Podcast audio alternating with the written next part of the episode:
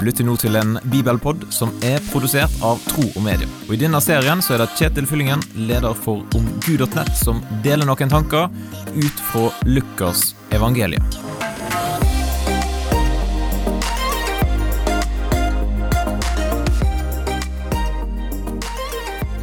Hva er din rette identitet? Når noen spør oss om hvem vi er, så har vi en tendens til å fortelle om hva vi gjør, eller hvem vi står i en relasjon til. Jeg er Kjetil, jeg er leder for omgud.nett, jeg er gift med Silje og pappa til fire. Men hvis en tar bort sånne ytre faktorer, hvem er vi egentlig da?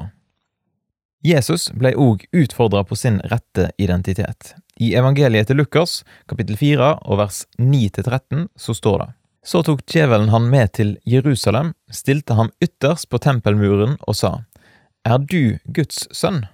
Så kast deg ned herfra. For det står skrevet, Han skal gi englene sine befaling om å bevare deg. Og de skal bære deg på hendene, så du ikke støter foten mot noen stein. Men Jesus svarte han, Det er sagt, du skal ikke sette Herren din Gud på prøve. Da djevelen var ferdig med å friste ham på alle måter, holdt han seg borte fra han for en tid. Noe av det siste Jesus hørte før han tok turen ut i ødemarken, det var Guds stemme som sa, Du er min sønn, den elskede, i deg har jeg min glede. Men nå er det ei annen stemme som hvisker Jesus i øret. Er du Guds sønn? Er det din rette identitet? Ja, så bevis det for deg sjøl og for alle andre. En skikkelig spektakulær hendelse i Jerusalem, synlig for alle rundt, da må vel være et bra tegn, Jesus, på hvem du egentlig er. Djevelen siterer til og med noen vers fra Bibelen, og vil tolke det sånn at det skulle bare mangle om ikke Jesus burde gjøre dette her. Jesus tror jo tross alt på Bibelen, gjør han ikke? Men Jesus lar seg ikke så lett vippe av pinnen, eller utfor tempelmuren. Han veit at det ikke alltid er lurt å ta bibelvers ut av sin sammenheng for å argumentere for noe som egentlig ikke gir mening. I stedet så holder han fast på den identiteten som er gitt han, og de ordene som han har hørt Faderen si.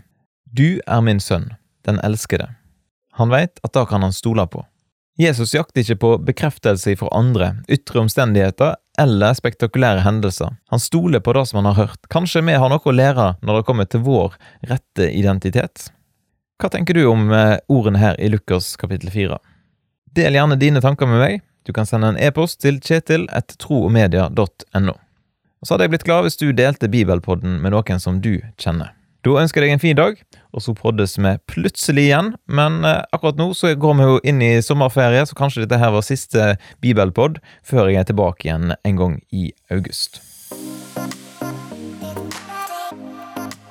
Takk for at du lytter gjennom denne bibelpodden. Og vil du gi en tilbakemelding på det som du hørte, eller vil du lære mer om kristen tro?